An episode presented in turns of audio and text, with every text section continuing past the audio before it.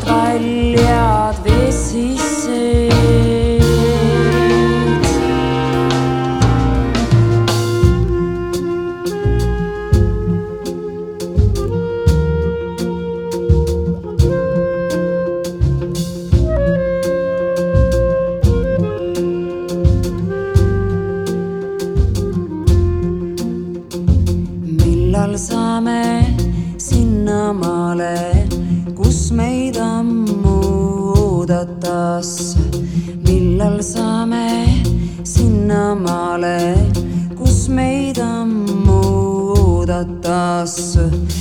لحمة لحمة كيمة كيمة.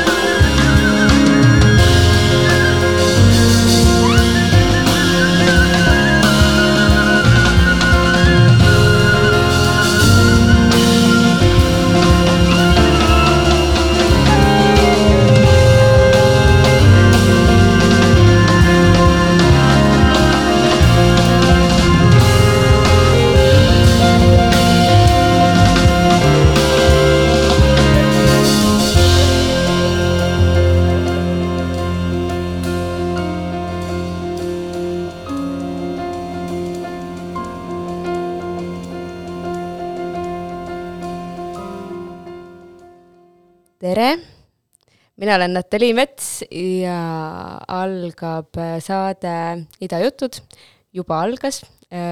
Looga Lähme, lähme, mille esitajad ja kohe saan teada, kas ka autorid on Siiri Sisask ja Kristjan Randalu, kellest viimane on täna ka minu saatekülaline, tere Kristjan! tere! kuidas siis on, kas äh, olete mõlemad äh, selle albumi äh, lugude autorid või äh,, või, või kuidas see tööjaotus äh, seal jaguneb esitamise ja loomise osas?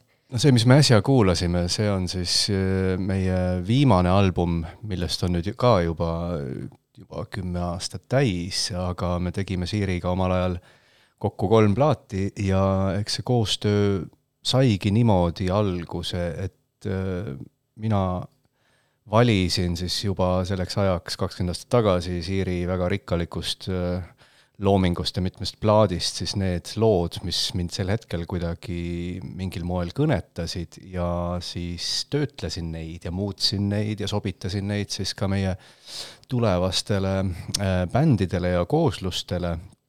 nii et need alg impulsid ja lood on ikkagi Siiri lood ja äh, väga mitmed tekstid on äh, ka Siiri tekstid, aga mitte kõik, et seal on ka teisi tekstiautoreid, on Uku Masingu tekste ja ähm, Peeter Volkonski on vanemal plaadil ka ja nii et on teisi tekstiautoreid küll. Äh, aga jah, nagu sa ise ütlesid ka, siis teie koostöö sai alguse kakskümmend aastat tagasi ka Jazz Kaarel, kas on nii või lihtsalt Jazz Kaarel kakskümmend aastat tagasi ka esitasite ühi-, ühiselt? Äh, jaa, see, see esimene ühine kontsert oligi Jazz Kaarel, et see oli siis nii-öelda meie koosluse äh, debüütkontsert, äh, aga sellele eelnes kogu see mõte ja selle kava siis tekitamine ja kirjutamine mm -hmm. ja et see sai hoopiski teistmoodi alguse, et ma elasin sellel ajal Saksamaal ja siis Siiril oli seal ka muusikaliselt tegemist ja siis oligi ühel õhtul, oli ta meie pool lihtsalt külas ja sai seal niisama natuke klaverit mängitud ja muusikat tehtud koos ja eks see mhm. impulss, eks see sealt algas ja siis ma palusingi tal anda mulle oma materjali ja plaate ja, ja siis ma hakkasin sellega tegelema mm. -hmm ehk siis äh, tegu on juubelikontserdiga? eks see oligi, et mulle ka on nii-öelda natuke üllatusena, jäin kalendrit vist vaatama, et mis on olnud ja mis käsil ja siis järsku sain aru, et oot-oot, et sellest on ju täitsa ümmargune number praegu kokku saanud, et ja. siis tekkis see mõte ja kuna siis tänuväärselt oli võimalus seda esimest korda džässkaarel teha, siis oli ka loogiline, et me tähistame seda seekord ka kontserdiga džässkaarel. mis siis äh, kahekümne aastaga juhtunud äh, on? Kui sa mõtled kahekümne aastase äh, taguse džässkaarel esinemise peale, ma ei tea, olustik, milline siis oli, kuidas see ettevalmistusprotsess oli, äh, see sai alguse Saksamaal, praegu te olete rohkem ilmselt nagu Eestis teinud koostööd, kuidas, kas sa nagu oled selle enda jaoks lahti mõelnud või see ei ole midagi, millega sa oled tegelenud? ma, ma pole nüüd seda niimoodi süstemaatiliselt ette võtnud, et seda, just seda ajalugu niimoodi lahata, aga öö, just no, naljakas paralleel, no et nüüd meil see ansambel, millega me nüüd need kontserdid teeme siis äh, Viljandis ja Tallinnas, on päris äh, suur, ütleme sellise bändi kohta, et see siis ongi see koosluse mõttes on see seesama nagu sellelt Lingua Mea plaadilt, millelt me ühte lugu juba kuulasime, et see on siis meie kvintett äh, pluss siis keelpillikvartett, et meid on üheksa inimest ja ja siis me saimegi prooviks kokku ja me just jäin ajaloo peale mõtlema, et see esimene plaat, mille me salvestasime, Jälg on selle nimi, sai salvestatud siis eh, Muusika- ja Teatriakadeemia keldris, seal on stuudio. ja see oli aasta kaks tuhat kaks ja kui me nüüd saime prooviks kokku sama maja ees jälle niimoodi, siis tekkis küll imelik tunne, et oota, et selle maja keldris me tegime selle plaadi kakskümmend aastat tagasi, et nüüd teeme paar korrust kõrgemal proovi um,. kas selles uues äh, uhkes äh, suures saalis?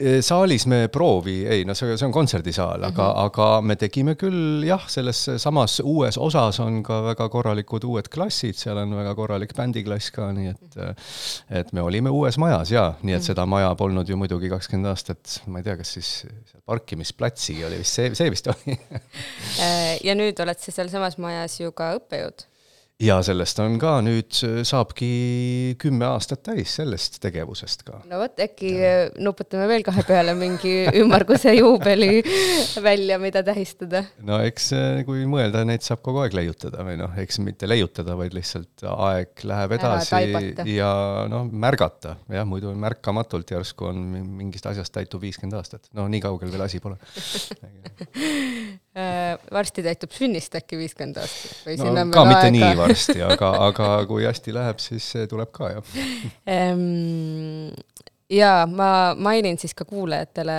ära, et äh, täna õhtul toimub äh, sinu ja Siiri Sisaski kontsert äh, Viljandis äh,, pärimusmuusika Aidas ja homme Tallinnas Vabal Laval. just, pileteid veel on ma ei tea siis kellel on huvi, eh, saab ise järgi vaadata, aga kellel eh, võimalust ja aega, siis kindlasti soovitan eh, minna. aga muuseas, isegi kui piletit ei, ei ole, siis homne kontsert on otse-eetris raadios, Klassikaraadio teeb ülekande. kuidas sind paneb tundma see otseülekande ja eetri nagu võimalus ja võimekus, et noh, näiteks mina mõtlen sellest kuidagi nii, et kui publikul on teadmine, et ah, ma saan seda sealt oma köögiraadiost ka kruttida ja samal ajal äh, süüa praatida õhtuks ja ei hakkagi minema, et äh, kas see kuidagi ei kurvasta, et võib-olla publikul on nii lihtne tänapäeval mitte tulla ja, ja jääda koju osa saama? ma ei, ma ei ole kindel, seda ei saa, need on täitsa erinevad asjad, et ma ise kasutan muidugi seda võimalust ka, aga eriti siis, kui olla ikkagi ka füüsiliselt sellest kontserdipaigast eemal. no näiteks midagi toimub Tallinnas, aga ise olles maal, siis siis on see väga tänuväärne, et saab niimoodi kuulata.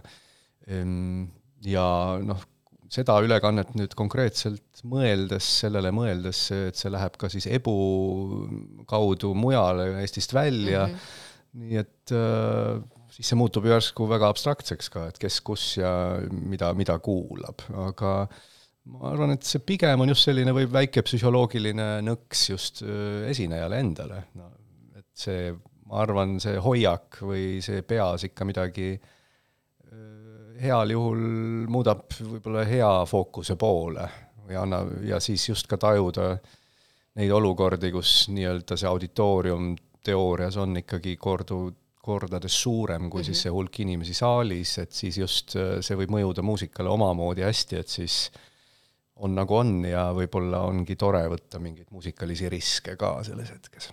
et siis põhimõtteliselt äh, või noh, mis põhimõtteliselt äh otseses mõttes ongi nii, et teil ei ole kontsert äh, mitte homme ainult Tallinnas siin olevale publikule, publikule, vaid teil on suur rahvusvaheline kontsert, kui see läheb läbi Ebu kanalite äh, nendesse köögiraadiotesse üle maailma äh, noh, faktiliselt on see nii, aga siis nii nagu me just rääkisime, siis see võib ka olla, et see läheb väga mitme ja samal ajal sööki praadiva inimese köögiraadiosse, nii et mm -hmm. seda ju ei oska niimoodi hinnata.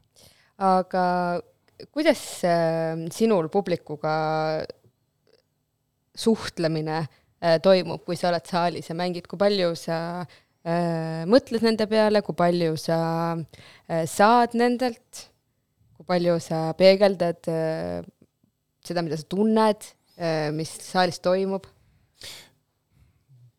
see on väga huvitav protsess ja võib-olla sellepärast, ta jääbki natuke müstiliseks, et seda sõnadesse panna ja kirjeldada ja mingeid fakte just niimoodi paika panna ja haarata on väga raske, et see ongi väga tunnetuslikul tasandil ja sõltuvalt siis ka muidugi muusikast, et kas see muusika on paindlik ja kui palju seal on vabadust ja kui palju seal on võimalust hetkes äh, mil, millegagi sobituda ja millelegi ka reageerida kui ma mõtlen nüüd sellise pigem klassikalise formaadi peale, kus ka nooditekst on ikkagi väga paigas, siis ähm, see, võib-olla see energeetiline suhtlemine publikuga, see toimub siis teisel tasandil, kui me räägime nüüd siis pigem džässmuusika kontekstis, kus tõepoolest see loo ülesehitus või kulg või see juba see vormiline kulgemine võib vägagi hakata moonduma.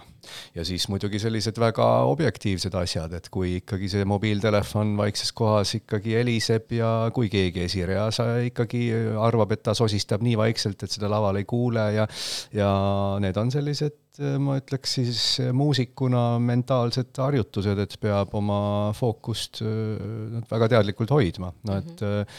et need asjad juhtuvad ikka ja jälle ja ei tohi siis oma tähelepanu lasta nendele tõmmata mina äh, kontserdi külastajana iga kord, kui see juhtub või kui keegi räägib, siis must nagu ärkab niisugune mingi klassijuhataja, kes lihtsalt tahaks äh, joonlauaga vastu sõrmi korraks plaksatada äh,. aga näiteks ma olen ise kogenudki, et siis võib-olla, kuna seda juhtub väga palju ütleme, tegelikult juba noh, aastaid nüüd on see, kogu see mobiilside on selline nuhtlus, et isegi kui see ei ole telefonikõne, siis on see publik ikkagi täis neid helendavaid ekraane. no et mul, mulle on meeldinud tegelikult mõnel, mõnes maas on kombeks, et on siis need samad inimesed, kes võib-olla alguses pileteid kontrollivad, siis samal, siis kontserdi ajal on nad saalis ja kui kuskil võetakse telefon välja, siis väikse sellise laserkiirega, valguskiirega, neil on siis väiksed sellised okay., mitte nüüd püstolid, aga sellised äh, väiksed masinad, millega nad siis saavad sellise laser noh, valguskiirega siis selle inimese välja noppida publikust ja noh, ta tunneb või ta märkab, et tema peale suunatakse valgus, no et ta paneks telefoni ära, et tihtipeale mõnel üritusel on ju ka väga range pildistamis- või mhm. filmimiskeeld ja siis äh, on pandud täitsa inimesed tööle seda tegema. et no see on veel see visuaalne müra, no et eriti siis, kui istuda seal ja tahta ikkagi kuulajana ka keskenduda ja siis umbes keegi võtab kõrval telefoni välja selleks, et oma sõnumid üle vaadata või vahepeal meili lugeda, et siis mul tekib ka küsimärk, et mida, mida see inimene sel hetkel seal teeb. noh, et ta on tegelikult, ta on ju, tegelikult oma peas on ta mujal ja siis siis on see raadio kuulamine või plaadi kuulamine või üksinduses kuulamine väga tänuväärne olukord, et siis seal võib kui on selline halb kontserdikogemus, on võib-olla isegi parem muusikasse minna ja, ja keskenduda. aga kas see, et inimesed ei suuda ka kontserdi jagu oma telefonist eemal hoida, ei ole mitte väga kõnekas äh, näide sellest äh, tähelepanu, ühiskonna tähelepanu häirest, äh, mis üha kuidagi nagu suureneb ja suureneb, et isegi ei suudeta kuidagi sellisel hetkel, äh, kus sa tegelikult äh, enda asjadega tegeledes oled ju ebalugupidav ka selle inimese vastu, kes on laval ja sulle ennast avab. et, et ega ma, ma ei usu, et need telefonis äh, aega veetvad inimesed otseselt igavlevad või et nad on kõik nii tähtsad, et, et nad peavad nagu koheselt vastuseid andma sõnumitele, mis neil tulevad, aga lihtsalt, et kuidagi see nutisõltuvus on nii lihtsalt domineeriv. No sõltuvus ongi õige sõna, et seal polegi pistmist, ma arvan, mingisuguse selle hetke konkreetse vajadusega, kindlasti on olukordi, kus näiteks siis laps võib-olla on lapsevanemad ja väiksed lapsed on lapsehoidjaga, neil peab see telefon olema mingil või määral.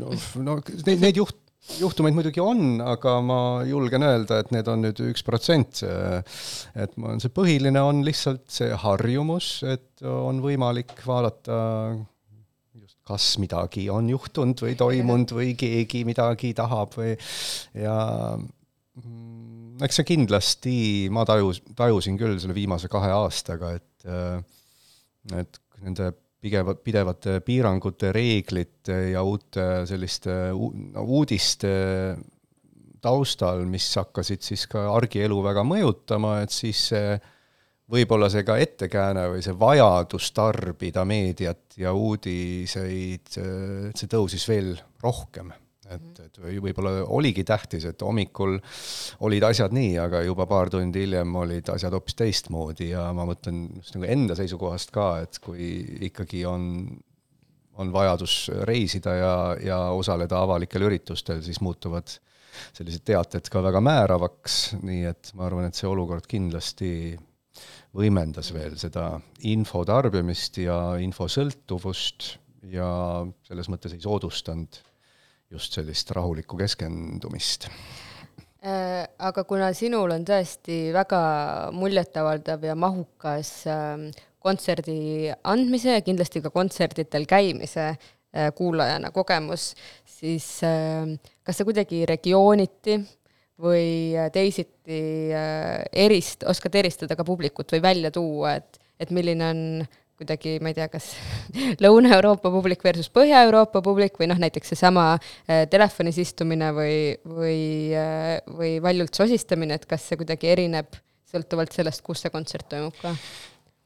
pealiskaudselt on kindlasti sellised erinevused, mis sõltuvad siis äh, noh, kas või rahvusest, mentaliteedist, päritolust, Põhjamaa, Lõunamaa regioonist aga ma arvan, et palju rohkem määrab ikkagi äh, kontserdi paik mm., siis kontserdi korraldajad, missugune, missugused raamtingimused on loodud äh,, ja siis jällegi siis väga konkreetsed sihtgrupid ka, et milline publik on sinna saali kokku tulnud mis mõnes kohas küll, küll naljakas on võib-olla see sellised, et alateadlikult traditsioonid või millega ol, oldakse harjunud, et kas on kombeks lisalugu nõuda või mitte mm., no et mõnel maal on, et et sa eeldad võib-olla, et noh, et sa käid korra lavalt ära ja siis tuled aplausiga tagasi, et lisalugu on plaanis, aga siis saad aru, et neil on, nad saavad aru, et kui artist on lavalt läinud, siis on kõik läbi ja on kus see on nii näiteks no,? ma just mõtlen, mis see värske kogemus oli. see ja mul hiljuti juhtus näiteks Kanadas nii, kus ma no, mõtlesin jaa, kus ma, ma ei oleks seda niimoodi oodanud, aga aga seda ei tea. aga just sellised vahed on, et mõnikord keegi ütleb, et jaa, jaa, et ärge umbes, et kui tahate lisalugu, siis mängige, mängige kohe ära. Mm.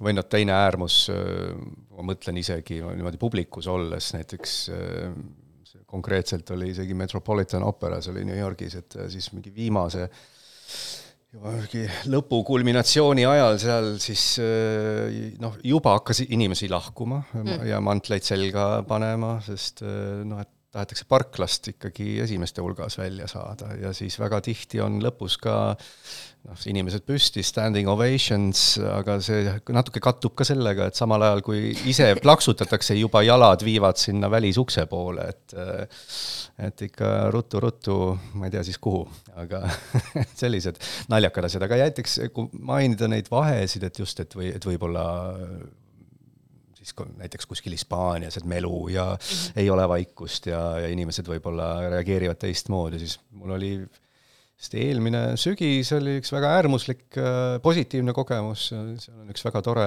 väike kontserdikoht, on äh, Gironas, on Barcelona ligidal, on üks äh, klubi, ja me, meil oli seal trioga kontsert ja siis mul oli selle korraldajaga juba ammu-ammu juttu olnud, et ta tahtis ka teha ühe sooloklaveri-kontserdi seal. Ja siis see pidigi järgmine päev olema ja siis ähm, noh, ma, ma teadsin kohta, ma ütlesin okei okay,, et et võib-olla kui võimalik, et no ikka selline klubi olukord ja siis, et no et umbes, et lepime kokku, et no mis iganes, et umbes cappuccino't seal just lugude vahel ei tee ja, ja aga see läks lõpuks nii äärmuslikuks, et ta ta lasi seal kõik välja lülitada, tähendab selles ruumis, selles, seal ei, kõik külmkapid olid välja lülitatud, siis ta ei, ta ei lubanud publikul tualetti minna, siis ta pani välisukse, ta lasi selle ruloo alla, et ei sisse ega välja ei saanud.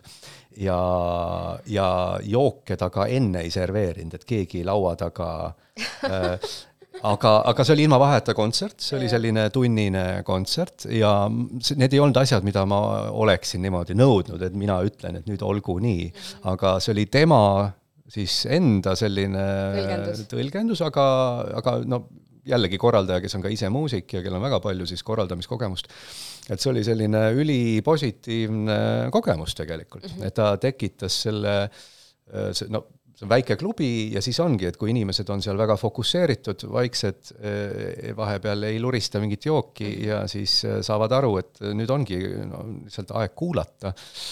et see oli selline äärmuslik kogemus siis mhm. aga tõesti, noh, see mitu märksõna, mida sa ütlesid nagu äh, aeg kuulamiseks või aeg millekski, fokusseeritus, kõik see, et tegelikult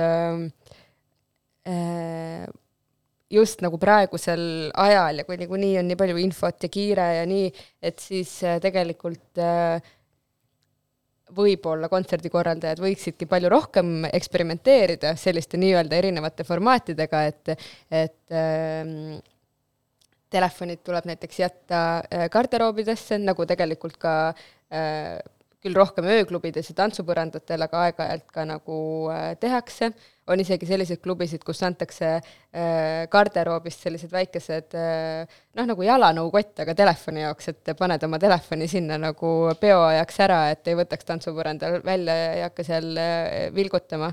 et, et lõppkokkuvõttes sellised sammud äh, ju päädivad parema elamusega kõigile nii nendele inimestele, kes on publikus, kui ka, kui ka nendele inimestele, kes on äh, laval.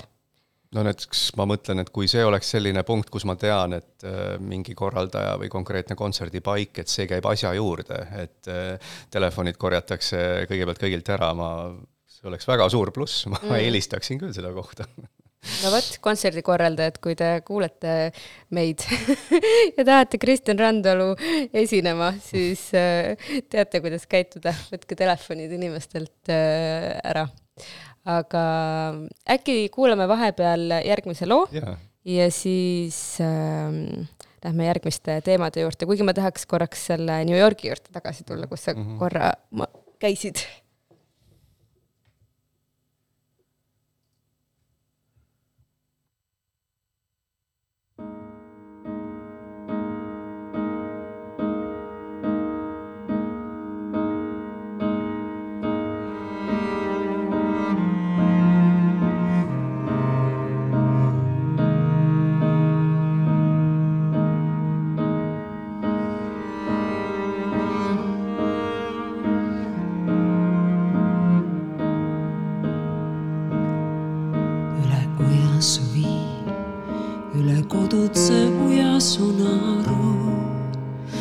üle suu kanna lauka suust üle su mõtte, üle järve suvi, pilvega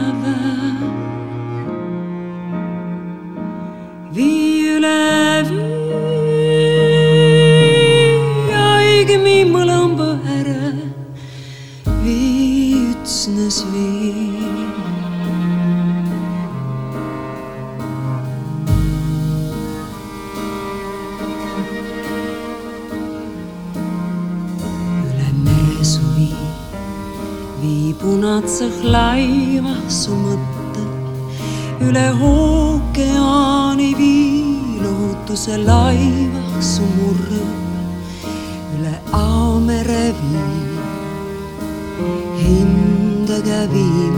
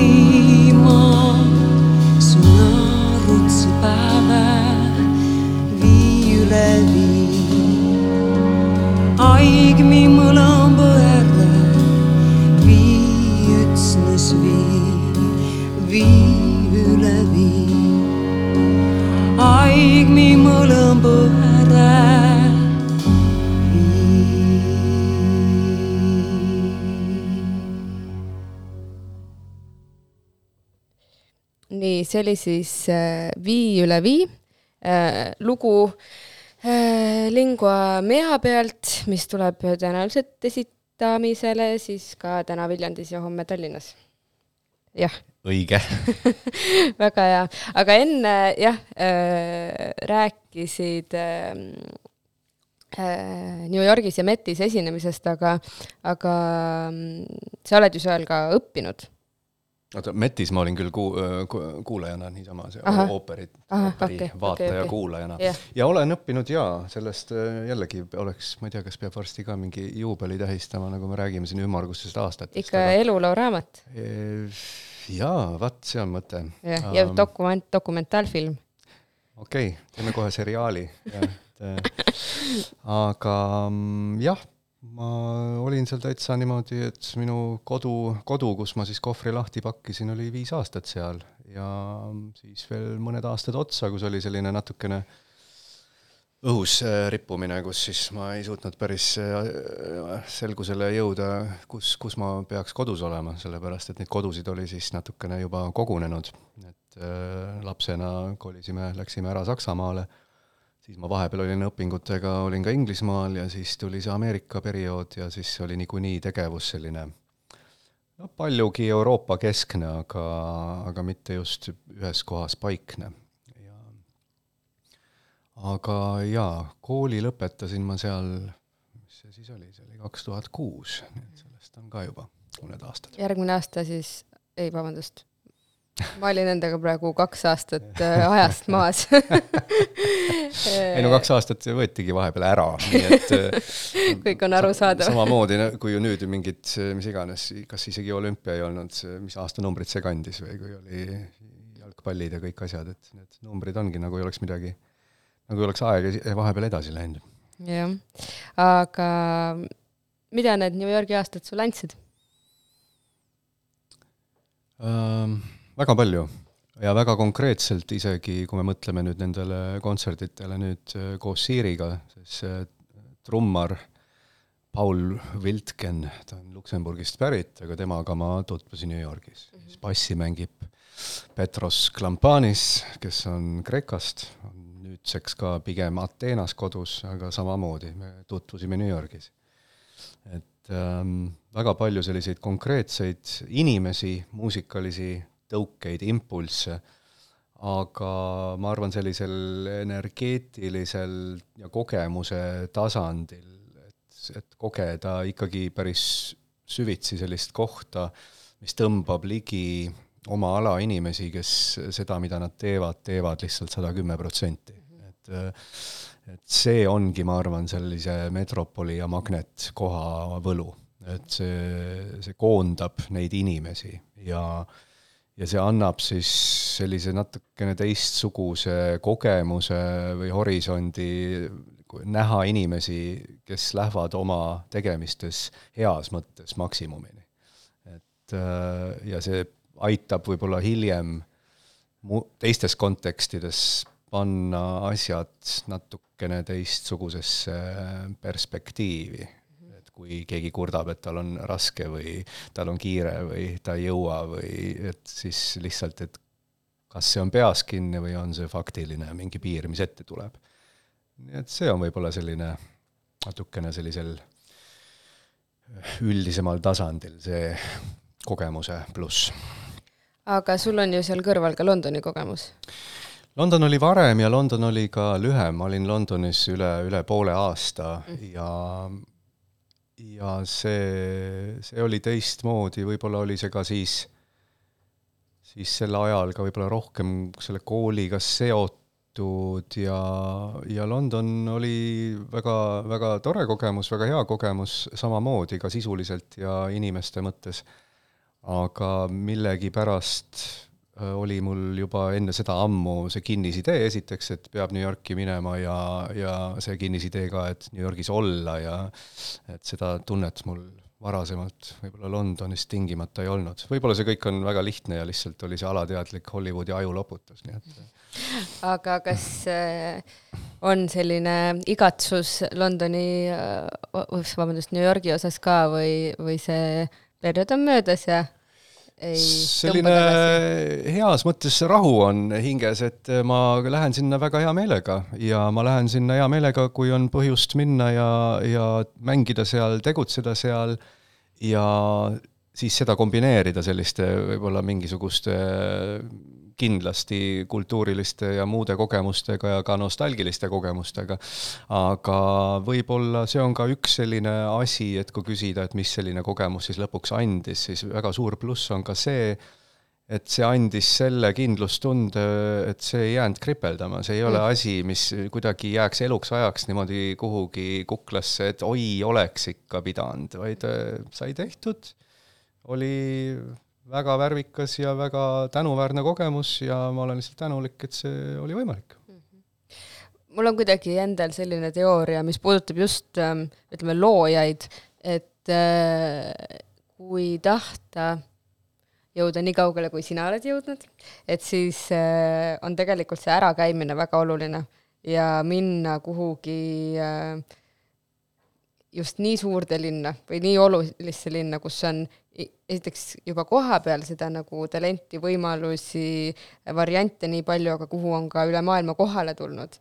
et lihtsalt siis need inimesed, kellega sa satud seal koostööd tegema või need inimesed, kellega sa juhuslikult satud kokku, need inimesed, kellele sa juhtud mängima või esinema, et äh, lihtsalt need võimalused äh,, kui see on ambitsioon ja eesmärk, on suuremad no esiteks ma ütleks, et, äh, et nende võimalusteni üldse jõuda, et juba see piir on sedavõrd kuidagi kõrge või suur, et see nõuab ikkagi väga järjepidevat ja ka pikemaaegset äh, panust. Ja see aitab võib-olla siis ka enda mõtted ja prioriteedid paika loksutada, miks, mida teha, mis selle taga on, mis ambitsioon see on, mis, mis on see jõud, mis selle käima paneb või mis on isegi mingi abstraktne siis siht, et võib-olla selliste as-, selliste metropolide või suurte kultuurikeskuste üks võlu esialgu siis võib-olla võib ka olla negatiivne, et äh, niimoodi uustulnukana, ega see ei ole, et seal on uksed lahti, kõik sind ootavad, vaid äh, see on selge, et, et seal on kõike heas mõttes liiga palju mm. -hmm. et äh, ja see paneb jällegi võib-olla siis iga looja sunnibki igat loojat mõtlema, et see, mis ta teeb, miks ta seda teeb mm., selles peab olema mingi väga põhimõtteline annus ka sellist sisemist vajadust, sellepärast et objektiivselt ega seda esialgu kellelegi vaja pole, kui seda endale vaja pole. jah, seda ma olen ka mõelnud, et just võib-olla nagu Eestist tulles, mis on nii äh, mahult väikene äh, koht, et äh, kui sa oled andekas inimene ja töökas, siis saavutamine on ütleme nagu hõlbus aga et siis just minna äh,, ongi vajalik minna mõnda suuremasse kohta, et korraks tulla nagu sellelt egotripilt võib-olla maha ja saada aru, et okei okay,, siin ei oota mind keegi, mitte kedagi ei huvita, mis on mu kodused saavutused ja, ja kus see Eesti üldse asubki. vähemalt see on see, mida mina tundsin seal olles. ja et see mõjus nagu hästi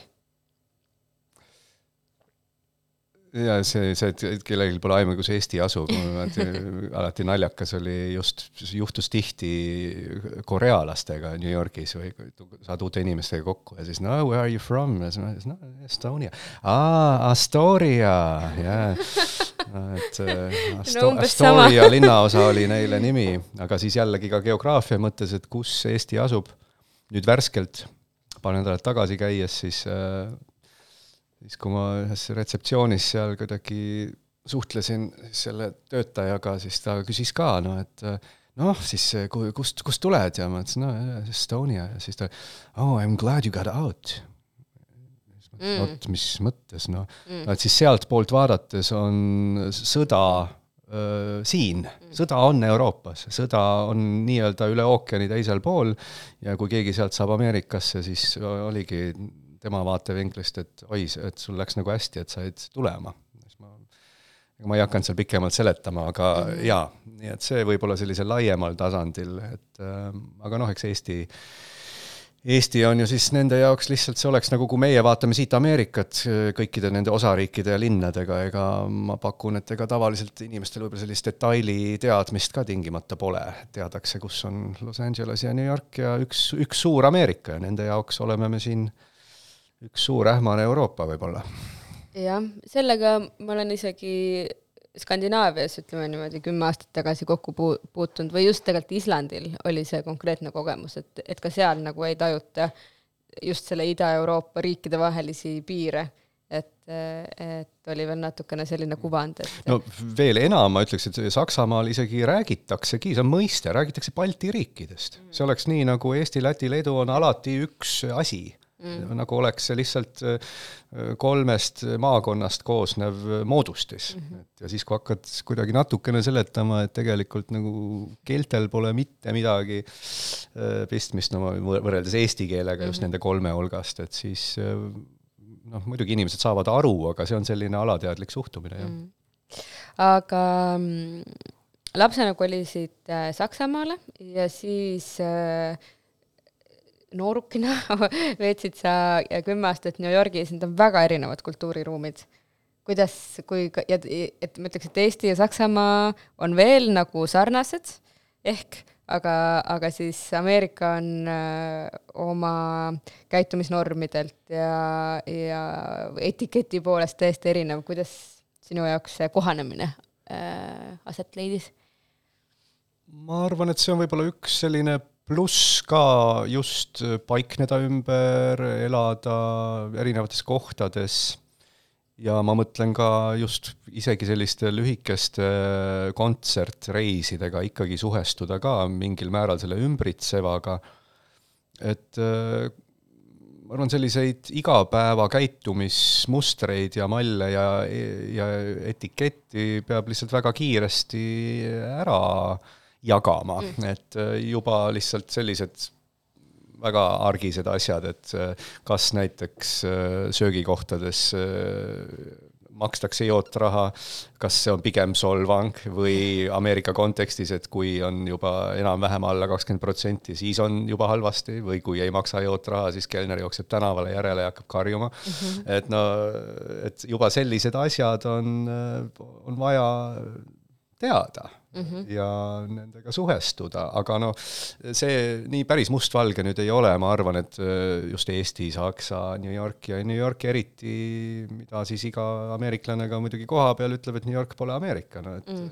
New York on teistmoodi koht ja ma arvan, New York on väga kirju koht ja, ja siis jällegi seal sees äh, suheldes inimestega, kes tulevad igalt poolt, ma jagasin mm. seal paar aastat korterit ka siis äh, ühe saksofonistiga, kes tuli Lõuna-Koreast, no siis jällegi väga huvitav äh, ikkagi põrkuda ka sellisel argisel tasandil või tundma õppida neid mingeid selliseid mustreid või ka alateadlikke käitumismalle, et see on väga põnev. Jah, et selles mõttes New York mingis mõttes on ise nagu niisugune suur antropoloogia muuseum, et lihtsalt käid ringi ja vaatad erinevaid rahvuseid ja, ja sõltuvalt linnaosast isegi ei pruugi tingimata inglise keelega hakkama saada siin ja seal. eks see, seda kõike on seal olemas, aga seda kõike on ka, seal ongi siis mingil määral see maailm koondunud ja, ja kui seal pikemalt olla, siis just muusikuna äh, Äh, tulla ka sellega toime, et, äh, et kogu aeg toimub midagi, millest sa ilma jääd. kogu aeg, iga õhtu on vähemalt kaks-kolm kontserti nendest, ma ei tea, mitmekümnest kontserdist siis, kus nende kahe-kolme kohta arvaks, et nendele peaks igal juhul minema. ja siis see piir tõmmata, et kui tahta mitte ainult tahta, vaid kui tekib see lihtsalt ajaline vajadus ka millessegi panustada ja tegeleda oma asjaga, siis kuidas see piir tõmmata ja panna see uks-aken lihtsalt kinni ja teha oma asja, millel jällegi siis on see väga teadliku balansi küsimus, et ähm, noh, et kui palju siis suhestuda ümbritsevaga ja kui palju olla omas asjas, et eks see on selline pidev balansseerimine. Ja kuidas sa New Yorgist siis nüüd ikkagi äh, Eestisse tagasi jõudsid? peale seda perioodi siis, kus ma enam nii-öelda ise oma kodu seal ei, alles ei hoidnud, siis oli selline edasi-tagasi käimine, oli, veetsin seal kuid veel, noh, pidevalt on mingeid sõpru või kolleege või kes on siis pikemalt kuskil tuuril ja ütleme, et selline eh, niimoodi kohvrist elades elukoha mõttes on see väga paindlik mingiks perioodiks ja siis eh, ma isegi sellel ajal äh, katsetasin, olin mingi kuukese, olin Berliinis ja ühe kuu kuskil Barcelonas ja niimoodi mõtlesin tõsiselt, mis, mis saab. Ja ja siis lõppude lõpuks ikkagi ma kohtusin oma abikaasaga, kes on Eestist, aga me kohtusime Saksamaal, ta elas sel hetkel Saksamaal. Ja siis oli väga kiiresti vaja kuhugi koju maanduda. Ja siis oli see kodu oli Eestis. et äh, armastus on ikkagi võti. Nii saab öelda, jah. Ehm, nii, selle New Yorgi peatüki lõpuks kuulame veel ühe loo nimega Kiigu, Kiigu ja siis räägime veel natukene äkki koostöödest ja džässkaarest ja siis ongi aeg viimaseks looks ja siis on aeg hakata Viljandisse sõitma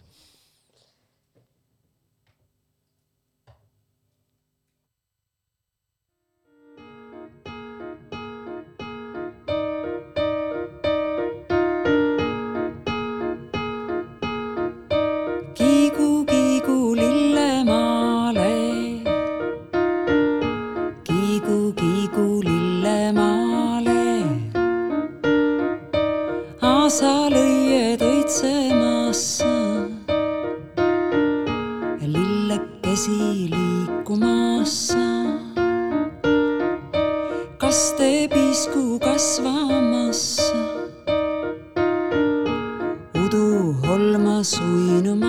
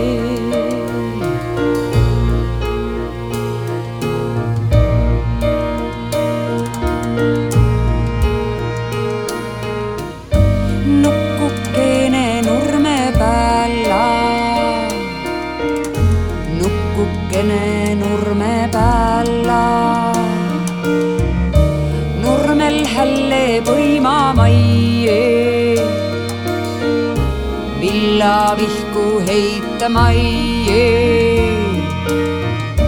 nurmel nukkun ätäessä, väljal väikest vaadatakse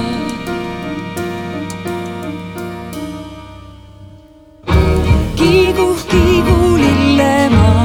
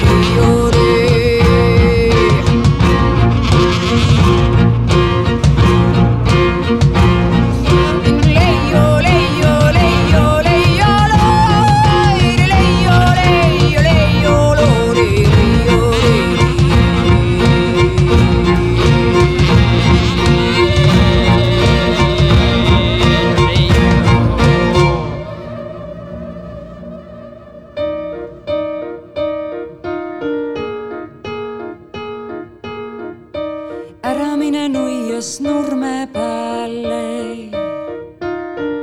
sa ära mene nuias nurme päälle.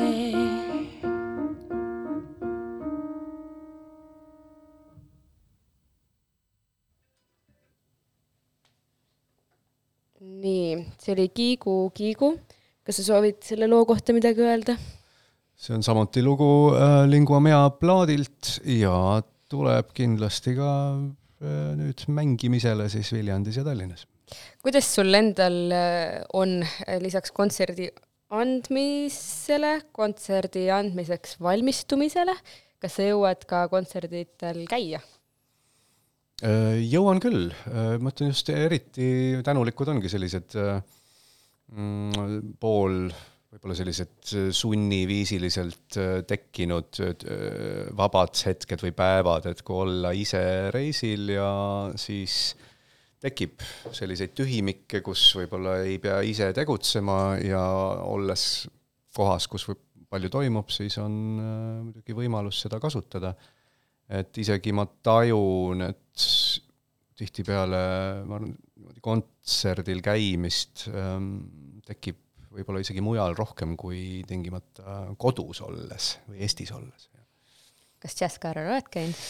vot nüüd oligi selline huvitav lugu, et ma, Jazzkaar on alati sellisel perioodil, kus muidu ka toimub äh, päris palju ümberringi, ka naaberriikides ja ähm, mul endal oleks pidanud olema ühel Poola festivalil kontsert ja siis õhtu enne saan ma kõne, et äh, selles Lõuna-Poola linnakeses, et seal on kaevandus ja seal oli nädala jooksul siis oli vist üks plahvatus ja siis oli teine plahvatus, gaasiplahvatused. ja seal suri inimesi ja siis äh, otsustas linnapea kehtestada kolmepäevase leinaperioodi ja tühistada kõik avalikud üritused. nii et äh, selline juhtum, et äh, ja siis see, selle, sellise kurva fakti plusspool oli see, et ma sain minna Jazzkaare kontserditele. mind hakkas nüüd hoopis huvitama see, et kui selline asi juhtub, et äh, kontsert jäetakse ära seetõttu, et on olnud katastroof mm, -hmm. kas lepingus see läheb äh, force majeure'i alla või?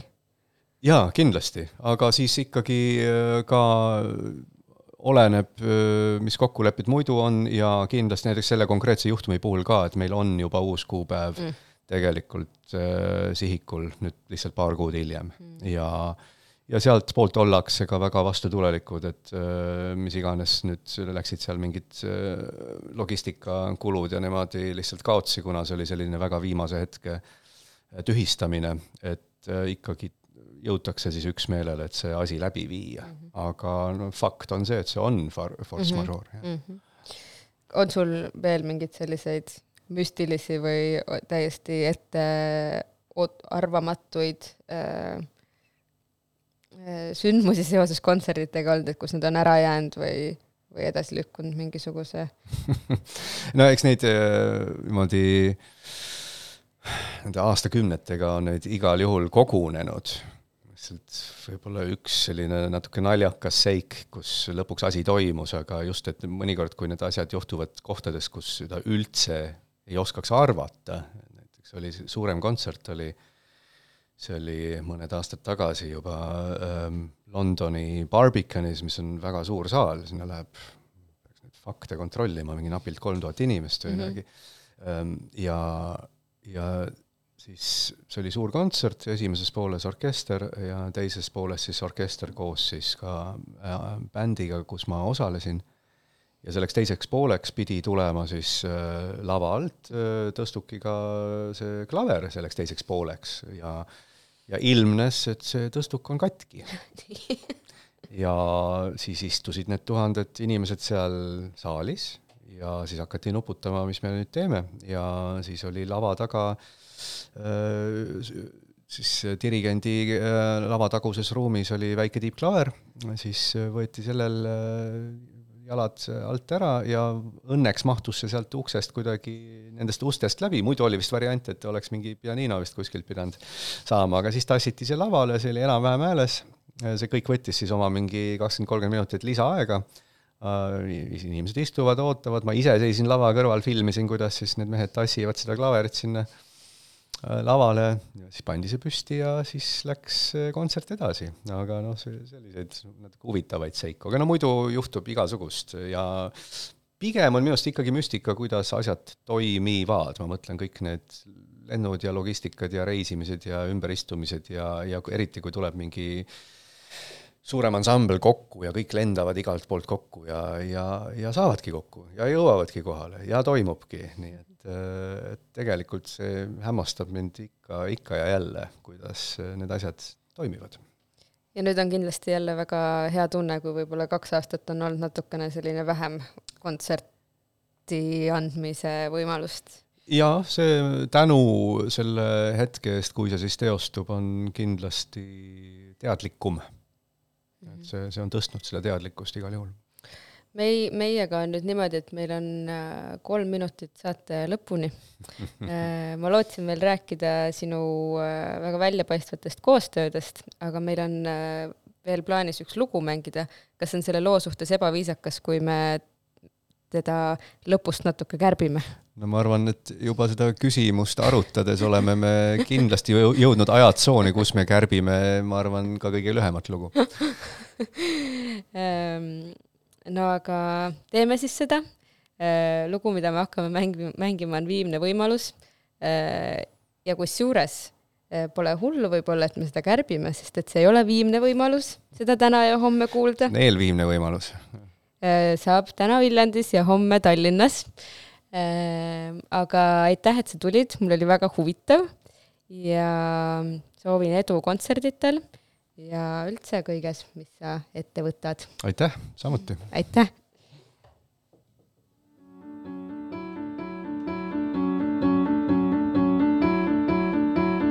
tunnid kuluvad, hundid uluvad. keegi kraabib ust. see